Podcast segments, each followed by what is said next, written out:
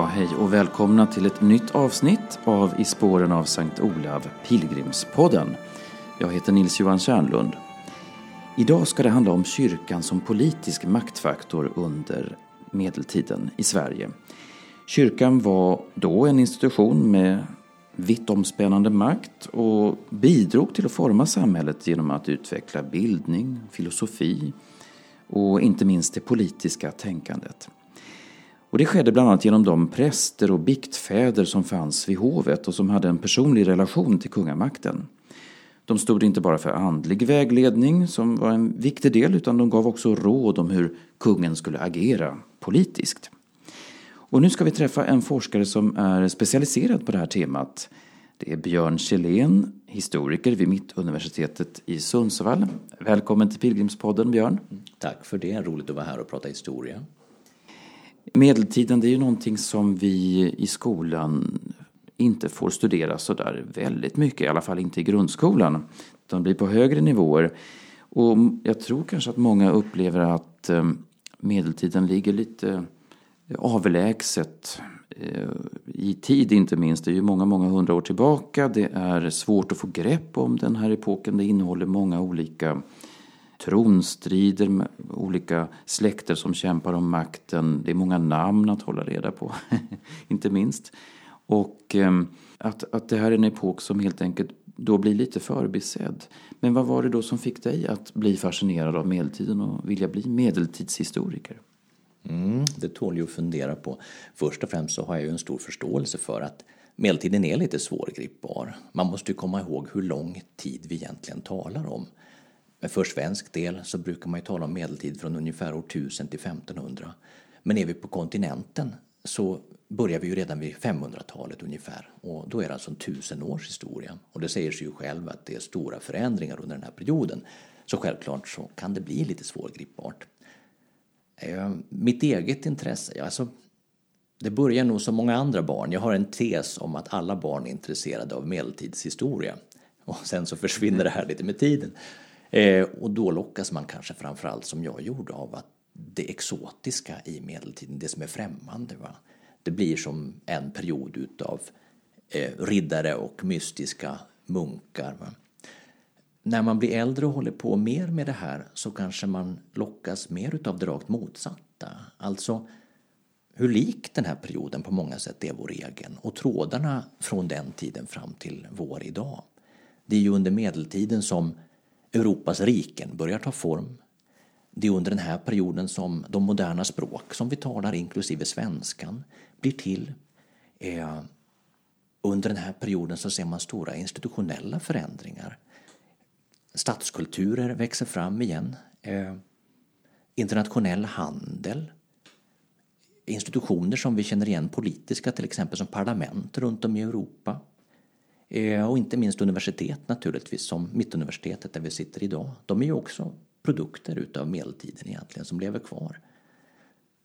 Så för mig har det väl blivit mer och mer intressant att på något sätt se ja, att vi fortfarande lever i medeltiden i väldigt hög grad.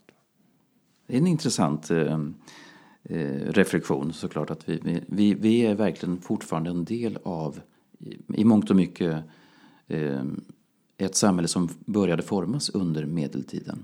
Mm, Men även om då industrialiseringen och hela de här stora samhällsomvandlingarna, det, det är det som kanske ibland skymmer den här bilden då. Mm, absolut.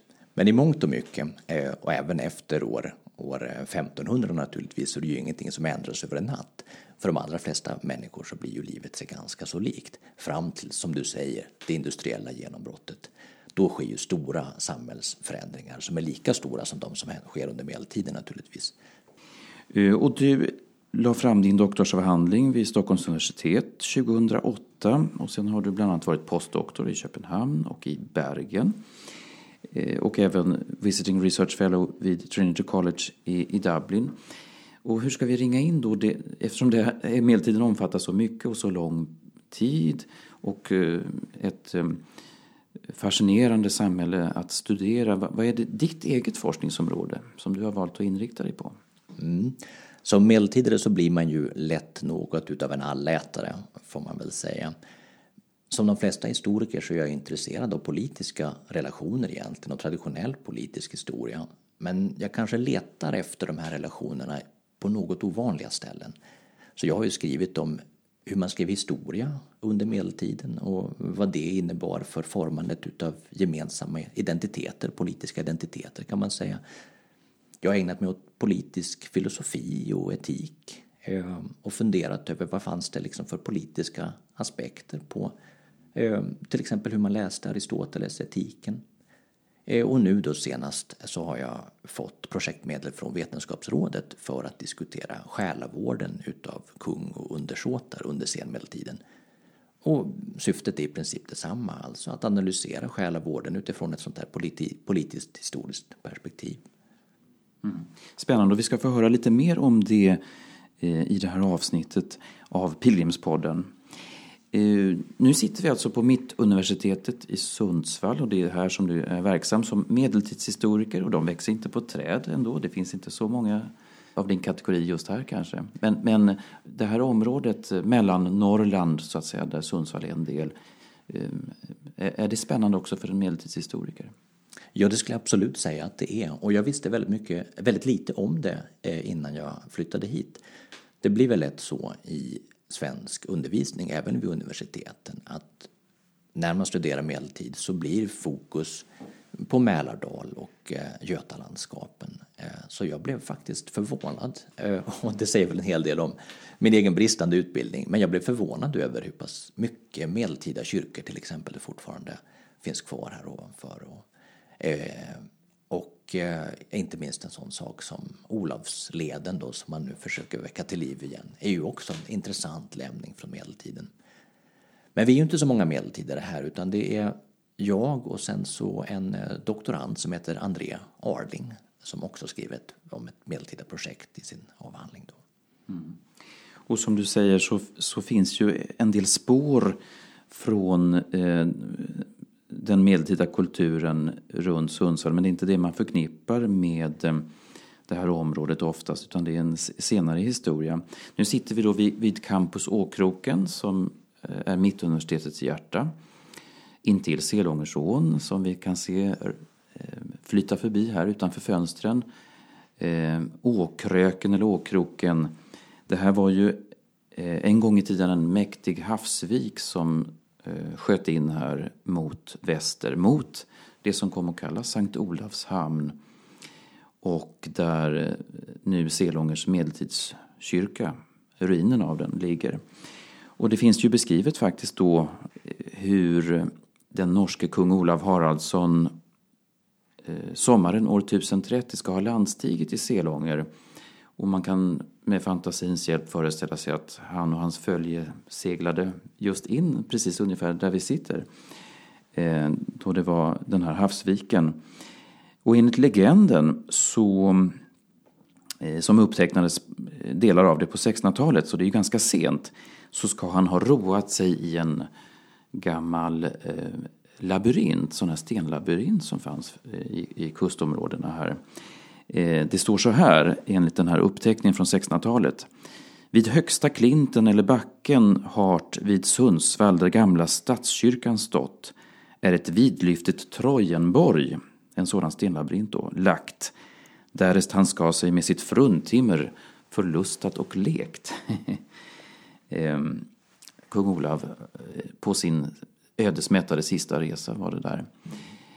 Och det ska ha varit på åsen här på universitetsområdet. Ja, det, det, är ju ingenting som du har forskat om förstås, men, men har du någon reflektion om det? Ja, det är ju en fantastisk historia. Eh, och det får väl, den får väl stå för upptecknaren eh, naturligtvis. Men om den säger någonting så är det väl ändå att man ännu på 1600-talet så har man kunnat förknippa den här platsen med Sankt Olav. Eh, och man har, varit, man har naturligtvis känt till helgonkulten som har varit väldigt stark i det här området utav landet. Eh, så det är ju intressant på så sätt. Mm, precis. Ehm, Kung Olav Haraldsson blev ju då helgonförklarad som Sankt Olav. Han blev en banbrytande symbol för kristendomen i Norden. Han blev ju det norska skyddshelgonet framför allt. Men den här kulten var stor i hela Norden. Och det ledde ju snabbt fram till pilgrimsvandringarna som förde då till Nidaros, till Olavs grav Ehm, det blev en viktig vallfartsort under medeltiden, inte bara i Norden utan i ett större europeiskt sammanhang också. Och nu snart tusen år senare så är det ju då allt fler pilgrimer eller eh, vandrare som vill gå i spåren av Sankt Olav, att gå från Selånger till Trondheim eh, längs Sankt Olavsleden. Eh, innan vi kommer in ännu mer på medeltida historia, eh, det här med pilgrimsvandring som medeltidshistoriker, är det något som, som du har provat på eller skulle vilja göra? Ja, jag har absolut funderat på det i alla fall. Jag gillar ju att vandra. Eh, här för någon vecka sedan så hade jag förmånen att åka då med bil, inte till fots, eh, en del av vägen upp mot eh, Trondheim för att titta på lite kyrkor. Och det är klart när man stannar till i en kyrka som Åre gamla kyrka till exempel från 1200-talet, då funderar man naturligtvis över vad tänkte och kände de pilgrimer som passerade här och när de tittade västerut mot fjällen. Eh, vad pratade de om? Eh, jag vill ju gärna tro att det var ungefär som Geoffrey Chaucers Canterbury Tales, alltså glada historier från människor eh, från olika samhällsskikt som träffades på de här platserna och berättade om, om sina liv. Men om det där vet vi ju väldigt, väldigt lite. Mm. Men det är klart jag har funderat på det och någon gång så blir väl min egen vandring av den också. Och det, det, precis, det kanske ger lite inspiration och en, en del funderingar väcks i alla fall när man, när man själv är ute. Ehm, det är ju nu väldigt många som vill förstå mer om de historiska sammanhangen. Ehm, och ehm, det handlar ju en hel del just om den framväxande kyrkans roll och maktställning under medeltiden. Att ehm, Norden då blev kristnat. Och helgonkulten var en viktig del av det här och dessutom var ju Olavskulten, det var ju då en kung som blev helgonförklarad. Olavskulten hade ju ett enormt genomslag, det är ju ingen tvekan om det. Och, och särskilt då i den här delen utav, utav landet, alltså mellan Norrland eh, och Hälsingland. Eh, och det är klart att Olavs helgonförklaring och framväxten av den här kulten, det sker ju under en kritisk period kan man säga utav kristnandet av Norden. Så man kan väl också tänka på det här som en symbol för en större samhällelig process som håller på att hända under den här tiden. Här har vi alltså en kung eh, som betraktas som ett helgon och som vördas utav kyrkan. Och man kan ju se det som en illustration kanske av vad som är på gång. För det här är ju då på 1000-talet. Och den här perioden, 900 1000-talet, perioden för kristnandet i Norden, det är ju också perioden när en kungamakt växer fram och när Nordens tre riken börjar ta form på allvar. Eh, så det är en typ av symbol för vad som hände här alltså. Kungamakten och kyrkan samarbetar. Kyrkan, när den etableras på den här tiden, behöver kungamaktens beskydd. Kungamakten behöver kyrkan i sin tur för att få legitimitet. Eh, så på så sätt så ja, är väl Olav och Olavskulten en bra bild av vad som håller på att ske. Och samma sak händer ju i Danmark naturligtvis med dyrkan utav Knut. Eh, Sverige något senare med Erik förstås. Alla kungar, alla helgon. Mm. Um, det är ju intressant att förstå att, att helgonkulten var ju ett, ett andligt fenomen, precis, men, men eh, det fanns en politisk betydelse också. Um, det måste ju ha varit viktigt att, att, för den som vill ha den politiska makten att få ska säga, kontroll över de här pilgrimslederna och vara den som lockar de här människoskarorna till sig, om man ser det på det sättet. Va, va, vad säger du om det? Ja, eh, vallfarterna och pilgrimskulterna, även helgonkulternas politiska betydelse, den är naturligtvis det är en stor fråga, en ganska komplicerad fråga. Va?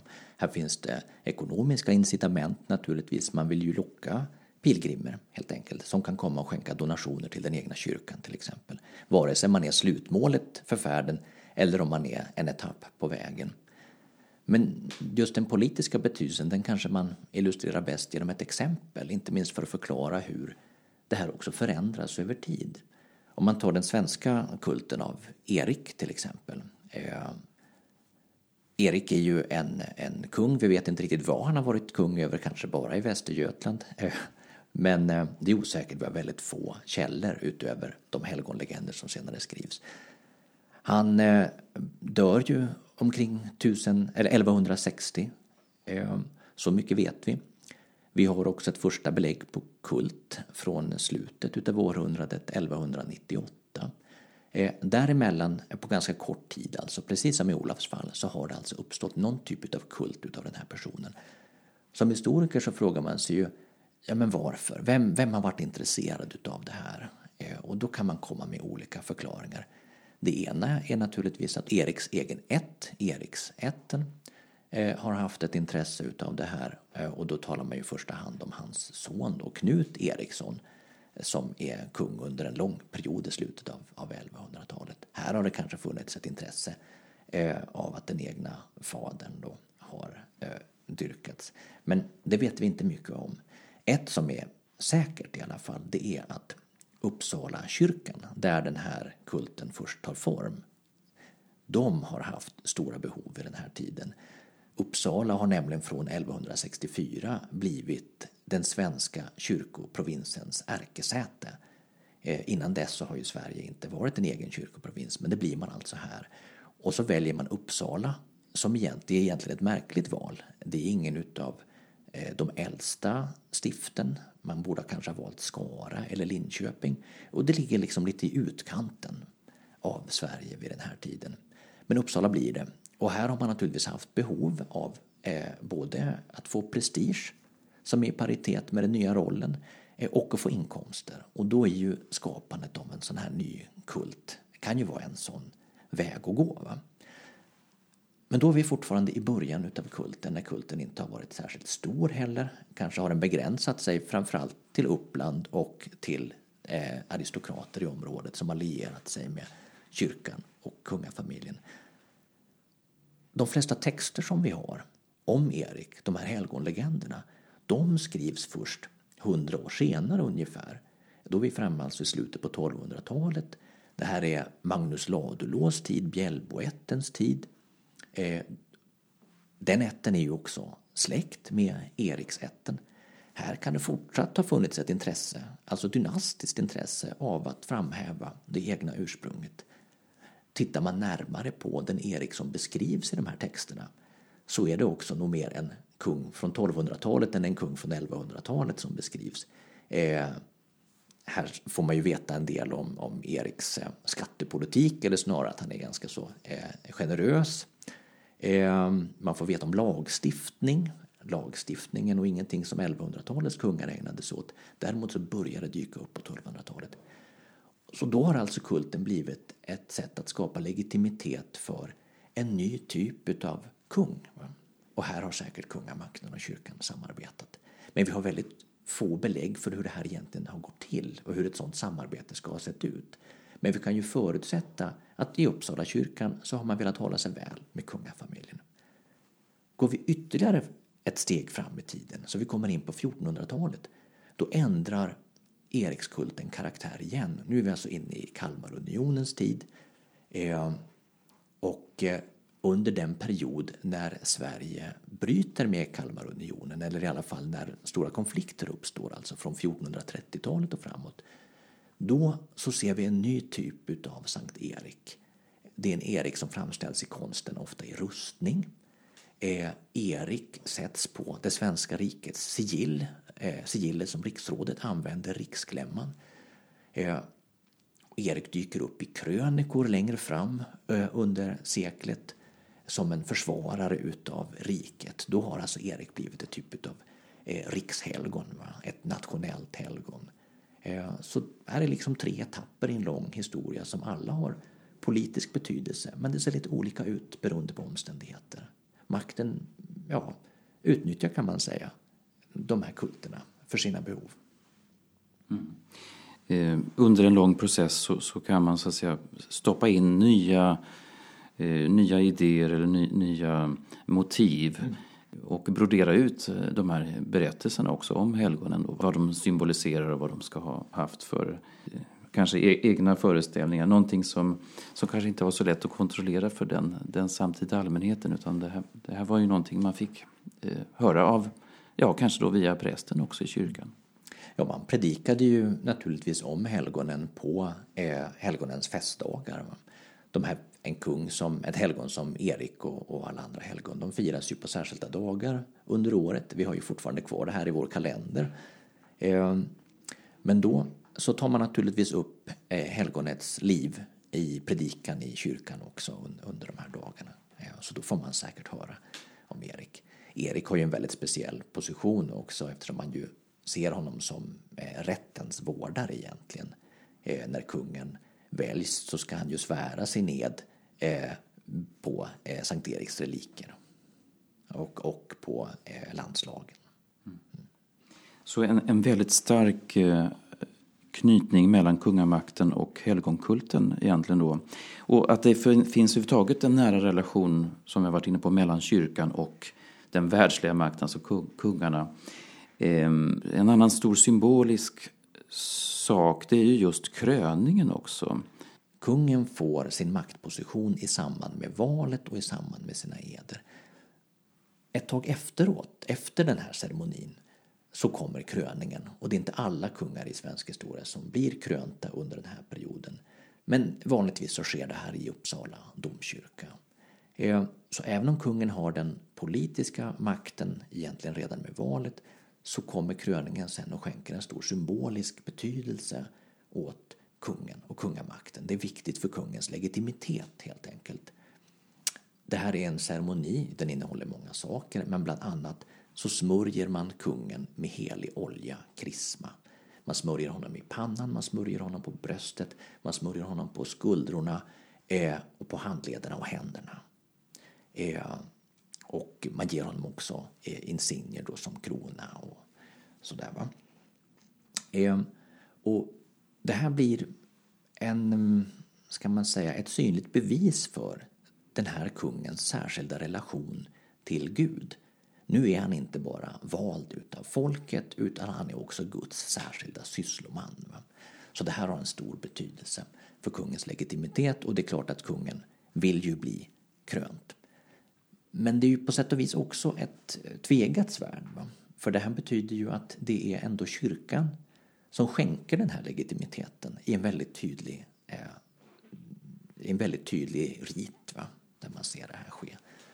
Så har vi ju senare exempel, Napoleon till exempel, som när han låter kröna sig till kejsare och har kallat dit påven ifrån Rom då, eh, så väljer han ju att ta kronan ur påvens händer och sätta den på sitt eget huvud. Och det är ju en symbolisk markering av att han vill inte veta av den här ambivalensen, att kyrkan har något inflytande över hans legitimitet egentligen.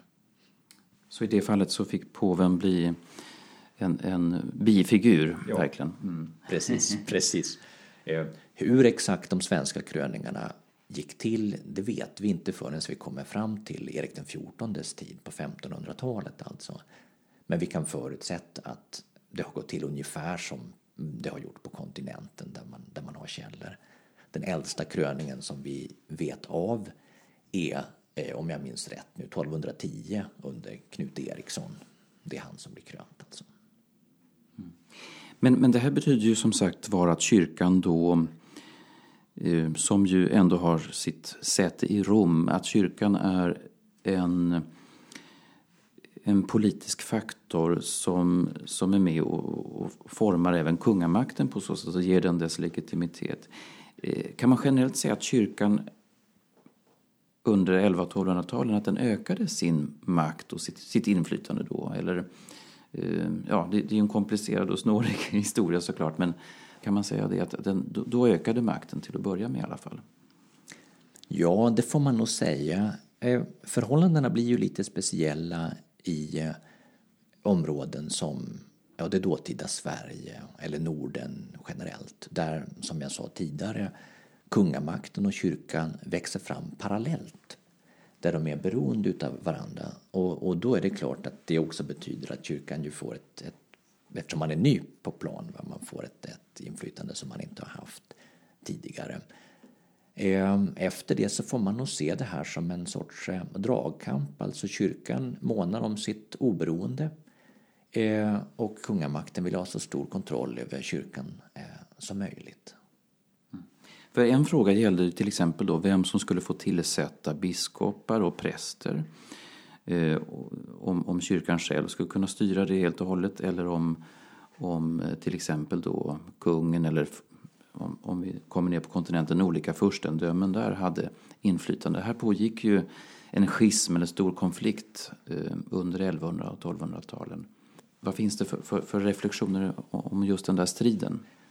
Det klassiska exemplet här är ju det som man brukar kalla för investiturstriden. Eh, och då är vi tillbaks i tusentalet igen.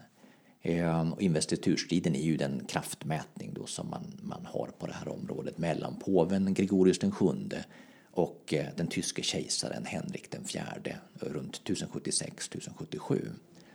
Eh, och på kontinenten så har man ju varit van bland furstar och kejsare att själva tillsätta eh, biskopar till exempel. Eh, ofta är det ju man själv som har bekostat kyrkor. Eh, biskopen är inte bara en andlig ledare, han är också en läntagare till fursten man har ett behov helt enkelt av att den som hamnar på den här posten är lojal och helst kanske att han tillhör den egna familjen. Det här kan ju bli ett bra sätt att placera egna söner då på viktiga poster. Men under den här perioden så pågår det inom kyrkan, alltså nu är vi på 1000-talet, så pågår det det man kallar för reformrörelsen. Gregorius den sjunde är en, en viktig påve i det här sammanhanget. Man försöker från kyrkans sida slå sig fri från det man uppfattar som världslig inblandning. Först handlar det ju om att man själva vill välja den egna påven, för här har man ju också ofta haft världslig inblandning. Och det lyckas man med under den tid när Henrik den fjärde eh, bara är, barn fortfarande. Va? Så att man får kontroll över det egna påvevalet, påven ska väljas av kardinaler. Sen riktar man in sig på det här med den biskopliga investituren, alltså tillsättandet av biskopar. Ehm, och man får väl säga att den ronden vinner eh, Gregorius i alla fall. Eh, det här slutar ju med att Henrik den fjärde får göra avbön barfota och i tagelskjorta framför, biskopens, äh, framför påvens borg i Canossa då. 1076 är väl det här. Så det, Canossavandring, det är ett sånt här Jajamensan. gammalt eh, begrepp som, mm. som man hört talas om. Det är en förutmjukande ja eller en, ja, en förödmjukande handling då man utför. Men en canossavandring kommer av detta. Jajamän, precis. Det är ju ett, ett historiskt exempel. Eh, och, men vad är det som händer i här egentligen? Alltså vad är det påven har att sätta emot eh, den världsliga makten kan man ju fråga sig egentligen. De här två är ju sammanblandade egentligen på många sätt, den världsliga och den andliga makten under den här tiden.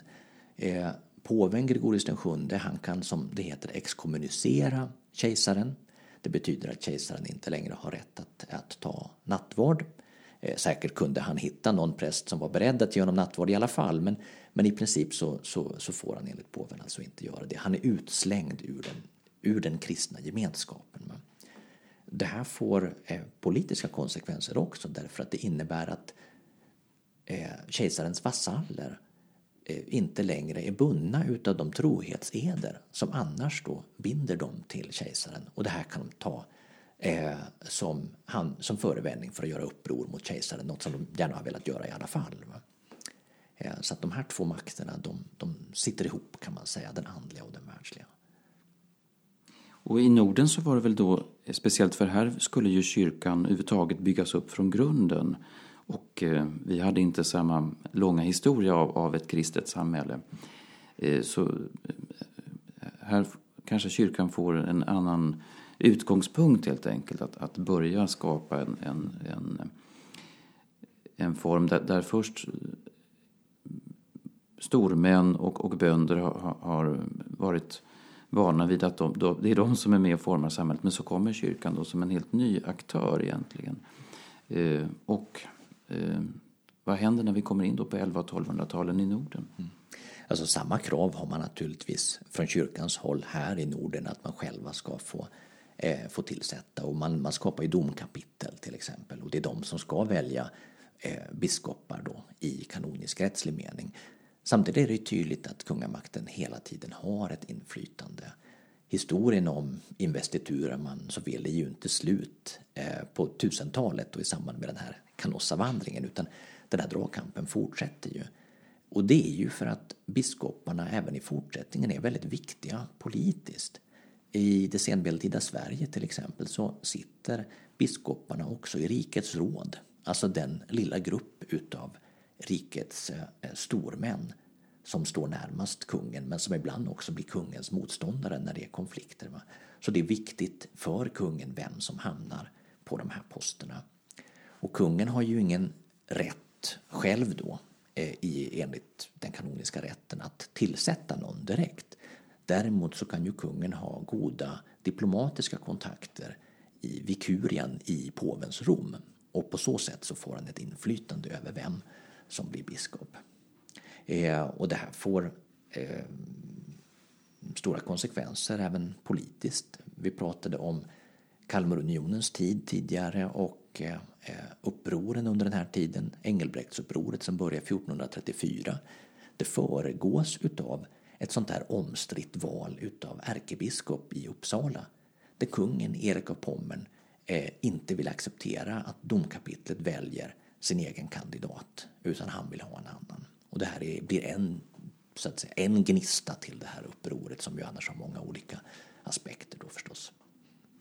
Kan man säga att, att kyrkan blev som en stat i staten? Det brukar ibland beskrivas så under medeltiden. Ja, stat i staten är ett sätt att uttrycka det. Jag skulle nog vilja gå ännu längre än så och säga att kyrkan och den världsliga makten de är som två parallella hierarkier. Det medeltida samhället styrs utav två hierarkier egentligen, va? som finns på alla nivåer. Från påve och kejsare i topp till furstar och biskopar och, och allt längre ner i, i samhällsordningen. Eh, och de här ska ju i teorin egentligen så ska det finnas en tydlig boskillnad mellan vem som ska bestämma över det ena och vem som ska bestämma över det andra. Eh, kyrkan ska ägna sig åt andliga frågor eh, och eh, den världsliga makten ska ägna sig åt världsliga frågor, alltså eh, lagar och rätt och sånt där. Men det är mer komplicerat än så. Kyrkan har ju sin egen lag, den kanoniska rätten. Eh, men den här kanoniska rätten den innehåller ju också bestämmelser om många saker som har andlig och, och har världslig betydelse. Då nämnde jag tidigare till exempel det här med Eh, kejsarens vasallers eder. Eder är en sån sak som behandlas och, och hanteras utav kyrkan. Det har en stor politisk betydelse. Giftermål har en stor politisk betydelse vid den här tiden. Alltså det finns många sådana här exempel där de här två som egentligen ska vara separata hierarkier ändå hela tiden. Gränserna är otydliga på något sätt. Va? Eh, och det här utnyttjas naturligtvis utav, utav båda parter också. Så det är inte underligt att vi har bilden av medeltiden som eh, intrigernas och ränkernas århundraden så att säga, där, det pågår väldiga maktkamper då hela tiden. Ja, och de är också, eh, det har ju också att göra med att när man är eh, under senmedeltiden. Man är, tänker väldigt mycket i rättsliga termer. Alltså det är inget eh, eh, på det sättet ociviliserat samhälle utan nästan alla biskopar är jurister. Va? Eh, och även kungarna de argumenterar också ofta i rättsliga termer. Både i förhållande till landslagen och till andra då internationella rättsliga normer då, som romersk rätt och sådär. Ehm, men de här två hierarkierna de är ju också sammanblandade på ett personligt plan. Därför att ofta kommer ju kyrkans ledare, biskoparna, ifrån den världsliga eliten. De kommer ifrån aristokratin.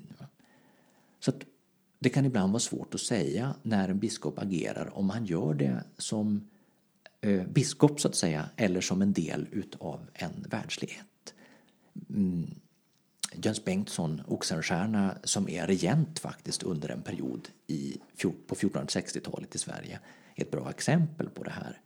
Eh, alltså det är han som, som styr eh, riket och så samtidigt så är han då andlig ledare som ärkebiskop och så sitter han då också främst i rådet. Hur ska man tolka det här? Vem är det som träder in? Är det familjeöverhuvudet för ätten Oxenstierna, Jöns Bengtsson, eller är det ärkebiskopen Jöns Bengtsson? Det är naturligtvis båda eh, men det säger en hel del ändå om hur sammanblandade de här två eh, hierarkierna mm, kunde vara i, helt enkelt till en följd av släktband. Eh, du har ju studerat mycket av det religiösa livet vid hovet.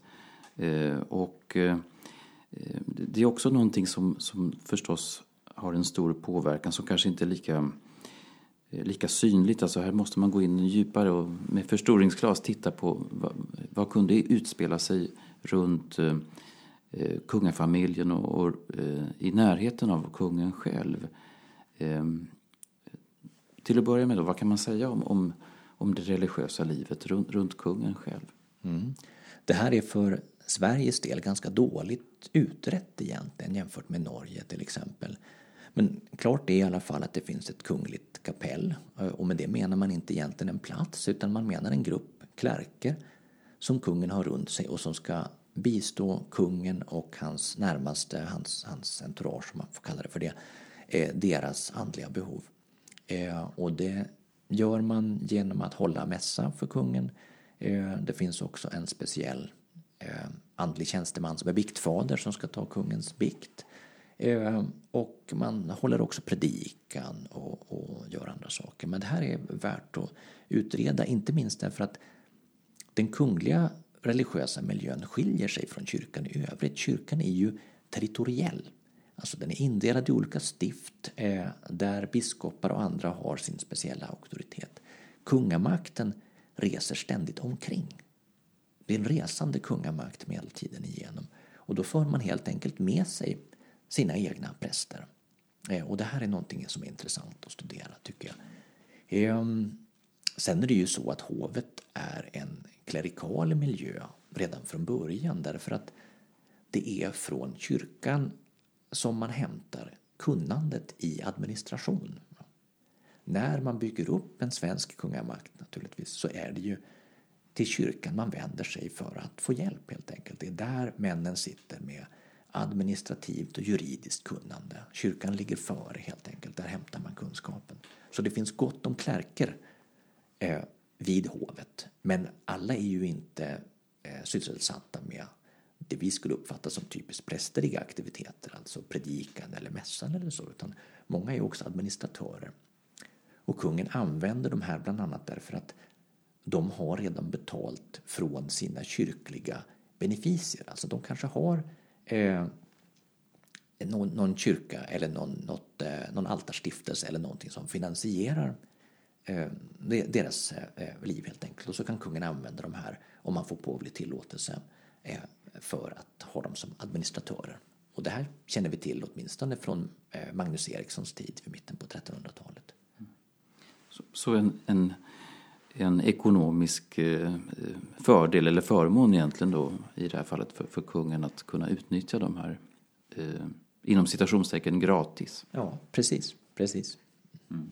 Det finns ju olika inslag i den katolska kyrkan som Eh, centrala. Bikten är ju ett sådant och eh, du studerar bland annat biktfäder. Eh, kungen kunde ju så att säga inte tala fritt med, alla men, med sin biktfader så kunde väl kungen kanske och skulle också berätta allt som tyngde honom så att säga. Vilken roll spelade bikten och biktfäderna i, i relation till kungamakten? Mm. Det här är också dåligt utrett egentligen och det är det som jag Eh, nu är finansierad av Vetenskapsrådet för att hålla på med egentligen. Klart är ju till att börja med att kungen är ju en kristen människa som alla andra eh, och har samma andliga behov till att börja med som alla andra. Eh, bikten är en viktig del utav den katolska kyrkans kultur. Man måste helt enkelt bekänna och ångra särskilt allvarliga synder då, dödliga synder som man kallar dem för, för att undvika evig fördömelse. Ehm, och kungen har sin egen biktfader och det är praktiskt för vanliga eh, eh, ute i, i landet socknar så ska man ju gå till helst då till den, den egna sockenprästen och det måste man göra en gång per år. Men både kungen och eliten i övrigt vid den här tiden de begår oftare än så, kanske någon gång i veckan, kanske ännu oftare och då är det praktiskt att ha sin, sin egen biktfader. Kunde den här då relationen nästan utvecklas till att, att biktfadern kan ju nästan framstå som en sorts mentor eller alltså en andlig vägledare kanske i många fler frågor än, än bara precis det som, som tyngde samvetet? Mm. Man får tänka på att samvetet berör ju många olika saker. Eh, kungen är ju den som styr. Det medför en massa olika aktiviteter som man vid den här tiden också uppfattade som andliga faror helt enkelt. Eh, frestelser om man så vill. Kungen tar ut skatt. Eh, kungen beslutar om krig. Kungen kanske ibland sitter som domare. Det här blir också moraliska och etiska dilemman. När får man egentligen ta ut skatt? Eller när kan det vara så att kungen drivs av en dödssynd, girighet? Det här kanske kungen behöver hjälp att utreda. Va? När får man gå till krig och inte? Alltså när är det legitimt? Eh, och när kan det vara motiverat utav andra eh, syndfulla skäl? Eh, girighet igen eller kanske vrede, en annan dödssynd. Ehm, så att det finns säkert många fall i de här diskussionerna mellan kungen och biktfadern som berör frågor som vi skulle uppfatta som rent politiska. Det är nästan oundvikligt. Och det här blir också samvetsfrågor eh, där biktfadern måste hjälpa kungen att ransaka sitt samvete helt enkelt för att fundera över sina motiv egentligen. Vad som verkligen händer vid de här samtalen det vet vi ju eh, ingenting om i, i praktiken så att säga. Eh, det var belagt med hårda straff naturligtvis eh, om en biktfader eh, helt enkelt lättade på förlåten och pratade om vad som hade sagts. Det kunde man inte göra. Så det har vi inga riktiga källor för. Här får man, som i många andra fall, som historiker gå lite bakvägen. Vad vi kan göra är att läsa den typ av litteratur som biktfäder förväntades använda sig utav. Där de kunde få råd för vad de skulle ställa för frågor till exempel till olika personer från olika samhällsklasser. Eh, en make eller maka, ja där kan det finnas särskilda frågor att ställa så att säga. Där synd kan uppkomma inom äktenskapet och det gällde naturligtvis också kungen.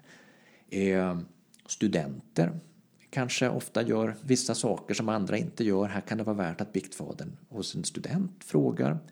Eh, och just i kungens fall, då dyker det upp alla de här frågorna som har att göra med styre. Som jag sa, skatter, krigföring, eh, kontroll över eh, handelsplatser, kontroll över eh, ja, mm, var man, när och hur man krigar. Det finns, det finns gott om exempel på, på sånt här egentligen. Mm. Men du menar alltså en sorts instruktionsböcker nästan som, som du som medeltidshistoriker kan eh, återfinna eh, i medeltida källor och som kan eh, indirekt ge i alla fall en föreställning då om, om vilka frågor som kan ha avhandlats och vilka diskussioner som kan ha förts eh, just genom att läsa de här instruktionerna. De ger i alla fall ett ideal för vad biktfadern förväntades eh, höra sig för om. Eh, och man får ju tänka, eh, biktfadern sitter ju inte och förhör biktbarnet i den här frågan, kungen, men hans jobb är så att säga att hjälpa kungen att leta reda på synder som man har gjort. För att det är så viktigt helt enkelt att man ångrar de här verkligen och bekänner dem så man kan få absolution. Eh, sen är det här naturligtvis en delikat situation. Man får ju tänka på att det är en stor skillnad i status mellan de här två personerna, då, biktfadern och kungen. Och här finns det också exempel även från svenskt håll på hur eh, såna här texter där kungen uppmanas att han måste ju lyssna, han får inte bli arg. Va? Han måste lyssna på biktfadern och, och eh, ja, bete sig som ett riktigt biktbarn helt enkelt. Va? Trots den här stora sociala skillnaden som finns dem emellan. Har du något exempel på en sån här ja, instruktion eller, eller eh, ett, ett praktiskt exempel ur, ur historien? Mm. Jag sitter just nu och tittar lite på olika instruktioner eh, som man har författat i Vadstena, Vadstena kloster under unionstiden. Eh, det är ju eh, Nordens verkliga andliga centrum. Och där har man också, det ser man i bevarade handskrifter, skrivit en typ av andaktsmanualer. Då. Jag har tittat på några stycken. Och som man har skickat till kungen. Vi har för kung Kristoffer eh, mitten på, på 1400-talet och sen till kung Kristian Eh, till kung Kristian så skrevs en andaktsinstruktion eh, kan man säga. Och den författades av hans egen moster som hette Ingeborg Gerhardsdotter. Hon var abbedissa i Vadstena eh, och hon skrev den tillsammans med generalkonfessorn då, i, i Vadstena. Den här vänder sig direkt till Christian helt enkelt och ger instruktioner för hur han ska lägga upp andakt, sin andaktsliv helt enkelt. Och vad kan det stå i en sån? Till exempel? Det är ett ambitiöst program som, som Christian får ta del utav. Ehm, och hur mycket av det här som har blivit verklighet det kan vi ju heller inte, inte säga. Men alltså, han förväntar sig att be så fort han vaknar på morgonen och sen är det två timmars gudstjänst. Först så är det egen andakt eh, och sen så ska eh, någon av hans kaplaner då i det här hovkapellet läsa mässa för honom. Den här texten är ganska typisk för mycket eh, senmedeltida spiritualitet. Alltså det är mycket meditation över Kristi sår, Kristi plågor. Kristian då själv förväntas när han går till bords så ska han först tänka på de bittra rätter som serverades Jesus på korset, alltså blod med galla i. Ehm, och eh, så fortsätter det under dagen helt enkelt med instruktioner för olika saker som Kristian ska tänka på. Hjälp för hur han ska förbereda sig inför den här så viktiga vikten då. Botens sakrament som det heter egentligen då. Så att det ska bli en så bra och grundlig eh, bekännelse som möjligt. Va? Så att han ska helt enkelt klara sin själ då från alla de här farorna som finns förknippat med eh, kungamakten. Eh, mot slutet av den här andaktsinstruktionen eh, så kommer det någonting intressant för oss just här och i det här sammanhanget. Som jag sa tidigare så är ju det här en resande kungamakt. Kristian, eh, precis som alla andra unionskungar, måste ju besöka sina tre riken och naturligtvis reser han även runt inom de här rikena. Ingeborg, hans moster, då, hon uppmanar honom att när han kommer till någon plats där det finns en helgedom tillägnad de här rikenas skyddspatroner, alltså Olof i Norge, Knut i Danmark eller Erik eller någon av de andra svenska skyddspatronerna, till exempel Birgitta i Sverige. När kungen kommer dit, då ska han inte dröja utan han ska genast eh, bege sig till de här för, för andakt. Då. Och följde han det här, då, då låter det som ett mycket inrutat schema. eh, och att en stor del av den vakna tiden ägnades åt eh, att vara mycket inbegripen i, i, en, i ett fromhetsliv, så att säga, ett religiöst liv helt enkelt. Mm. Hur mycket av det här som verkligen blev fallet, eh, det kanske mest är en from förhoppning ifrån, från Vadstenas sida och i början av den här texten så uttrycker man också att vi ju vet att du har så många viktiga angelägenheter att, att ta hand om. Eh, men försumma ändå inte de här eh, viktiga övningarna.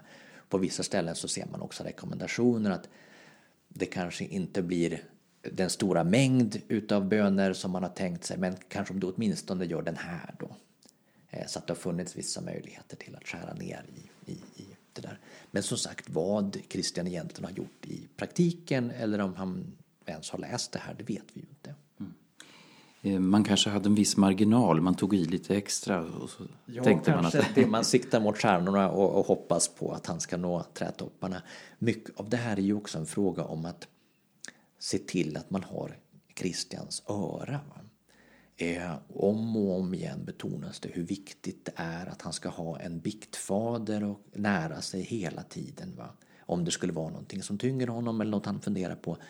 Eh, och det här är naturligtvis ett sätt för en institution som Vadstena eh, att på något sätt försöka lägga band på, på kungen. Eh, kanske hoppas man till och med att han ska välja en biktfader från deras egen institution. Det är inte okänt att man har att Vadstena bröder har blivit kungliga biktfäder. Det här var alltså kung Kristian den förste då vid mitten av 1400-talet. 1460, den här kommer nog från Texten kommer från kanske 1457 när han tillträder, kanske till någon gång in på början på 1460-talet. Eh, det är ju fascinerande att tänka sig också vad dessa biktfäder och eh, eh, höga personer inom kyrkan hade för egen bakgrund. För att med kyrkan kom ju bildning, utbildning, de första universiteten. Även nordbor reser till Bologna eh, till det nya universitetet där. Och så småningom blir ju Sorbonneuniversitetet i Paris en, en sån här andlig medelpunkt. Eh, ett av de viktigaste lärosätena. Ehm, var det så att de, alla de här, eller alla, men, men eh, de, de, de, hade den bakgrunden att de hade varit på utländska studier? Mm. I alla fall de som tillhör det högre kleresiet, alltså som har viktiga tjänster eller biskopar och så, de har ju nästan alltid den här typen av internationell utbildning. Eh, ute i sockenkyrkorna eh, så, så, var det kanske mindre bevänt med den formella utbildningen. Då kanske det fick räcka med ett besök vid eh, katedralskolorna helt enkelt. Eh, men, men så är det. Eh, och det här leder ju till att den svenska kyrkan eh, ju delar kultur med eh, Europa i övrigt. Alltså man har samma språk naturligtvis, samma andliga och lärda språk, latinet, som, som talas överallt. Eh, man läser samma böcker, eh, samma lärda litteratur, så man har alltså samma kulturella och intellektuella referensramar överallt. Och det här innebär ju också att om man jämför mot den här medeltida perioden och framförallt eh, senmedeltiden kanske, när man inte behöver resa så långt för att få internationella studier utan det räcker med att åka till Greifswald kanske och till sist så räcker det med att åka till Uppsala eh, efter 1477 då när vi får ett eget universitet. Men under den här perioden så är man ju väldigt, ja vi skulle nog kunna säga man är väldigt internationell. Eh, under reformationen så ändras ju det här. Då blir det ju mer nationella eh, kyrkor. Eh, och eh, man åker kanske inte ut i Europa på, på samma sätt. Från, från Gustav Vasas tid och, och senare. Mm. Mm. Ehm, och det betyder ju också att det finns en större kultur där eh, man delar eller man har en geme, gemensamma ideal som, som sprids och som, som får en, mm. en eh, kanske ibland då vissa olika egna utvecklingar runt om i, i, olika delar av Europa. Men, men de emanerar, de kommer från samma, samma lärosäten och samma andliga metropoler från början. Ja, precis. Just det, man har allt det här gemensamt och sen är det klart att man kan tillämpa det utifrån lokala förhållanden till exempel. Eh, men en svensk klerk, precis som alla andra eh, som reser till Paris eller Prag eller vad det nu kan vara för att utbilda sig, han läser kanske Aristoteles politik och etik. Eh, där får han intellektuella verktyg för att fundera kring politiska förhållanden. Han läser om olika typer av regimer. Alltså det finns någonting som heter demokrati. Det tycker de flesta är en dålig sak. Eh, eh, men det finns också eh, monarki och aristokrati. Och så man får liksom begrepp för att diskutera den politiska världen. Själv så har jag arbetat en del med en speciell typ av litteratur som, som man kallar för förstespeglar eller kungaspeglar. Och det är ju rådgivningslitteratur för samhällets högsta helt enkelt. De läste säkert utav, utav alla möjliga människor som var intresserade utav sådana här frågor men de är i alla fall i teorin eh, gjorda för att läsas utav, utav en förste. Och utgångspunkten är ofta den här, det här aristoteliska materialet. Då. Och ibland så kunde det bli konflikt kan man säga mellan det här idealet som man hämtar från eh, Europa och och verkligheten hemma i Sverige. Det finns ett exempel på en sån här kungaspegel från 1300-talet i Sverige som heter Kungastyrelsen, eller man brukar kalla den för det i alla fall. Den utgår i väldigt hög grad ifrån kontinentala förebilder. I den här så föreskrivs det arv kungadöme Eh, och, men i Sverige så är det ju som vi sa tidigare då ett, ett val som ska till. Va? Och då måste man ställa sig frågan som forskare. Är det medvetet så att man väljer att inte ändra det här därför att man faktiskt vill företräda arvkungadöme eh, även i Sverige? Och det har man säkert från kungamaktens håll varit intresserad utav. Eh, eller är det bara så att man översätter saker och inte ändrar? Och det är lite svårare att komma åt eh, naturligtvis. Men, men ska vi sammanfatta lite grann? Vi har kommit in på, på en hel rad olika infallsvinklar här. Men frågor som rör andlighet, som rör moral och etik. Olika dilemman som kan uppstå, samvetskval som, som gäller hur man ska utöva sin, sin politiska makt. Här hämtar man eh, hela tiden stöd och råd från kyrkans håll. Eh, och ehm, eh, det finns på något sätt väldigt många allmängiltiga frågor i, i det här också. Så, Sånt som kanske inte är så främmande egentligen. Även om vi föreställer oss ibland att medeltiden ligger långt borta. Men, men, men det verkar finnas eviga frågeställningar också i det här. Mm. Som jag sa från början där, så man blir mer och mer intresserad av på något sätt de här trådarna som leder fram till idag. Och vissa politiska frågor som när är det legitimt att gå ut i krig till exempel? Ja, men det diskuterar man då, och det måste man diskutera idag. Va? Eh, och då var man naturligtvis lika flink med att hitta på motiv eh, som man är idag. Eh, frågor om beskattning, det låter ju väldigt modernt egentligen för oss. Men även där måste man resonera kring när är det här rätt och när är det kanske bara girighet. Va? Det här är ju saker som vi kan känna igen väldigt mycket.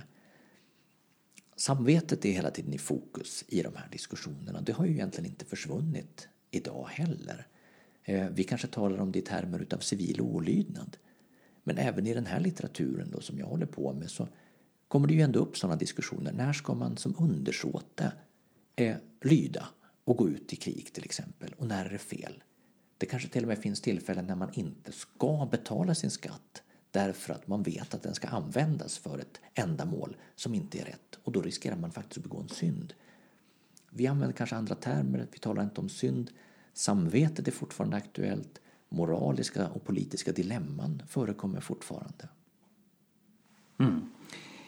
Det är eh, fascinerande att, eh, att komma in på, på de här eh, diskussionerna som rör också, ja, till och med det mänskliga psyket och filosofi och det rör eh, politik och ja, egentligen ett, ett, stort sammanhang där djupt in i det här så finns ju också naturligtvis medeltidens människor som vi försöker eh, få, få en bättre glimt av. Eh, men vi har kommit lite närmare eh, också i det här samtalet att förstå vilket samhälle som växte fram under den nordiska medeltiden. Det finns ju mer att ösa ur förstås, Björn Kjellén, men vi ska ändå runda av dagens poddavsnitt. Stort tack för att du var med, Björn Kjellén, medeltidshistoriker vid Mittuniversitetet i Sundsvall. Och kanske vi får anledning att höras i fler avsnitt framöver. Tack, det hoppas jag. Eh, Björn Silén som alltså är specialiserad på politik, kyrka och filosofi i medeltidens Europa och verksam som medeltidshistoriker vid Mittuniversitetet. Och vi fortsätter att utforska det tusenåriga kulturarv som hör ihop med Sankt Olavsleden i kommande avsnitt av I spåren av Sankt Olav, Pilgrimspodden. Eh, jag heter Nils-Johan Kärnlund.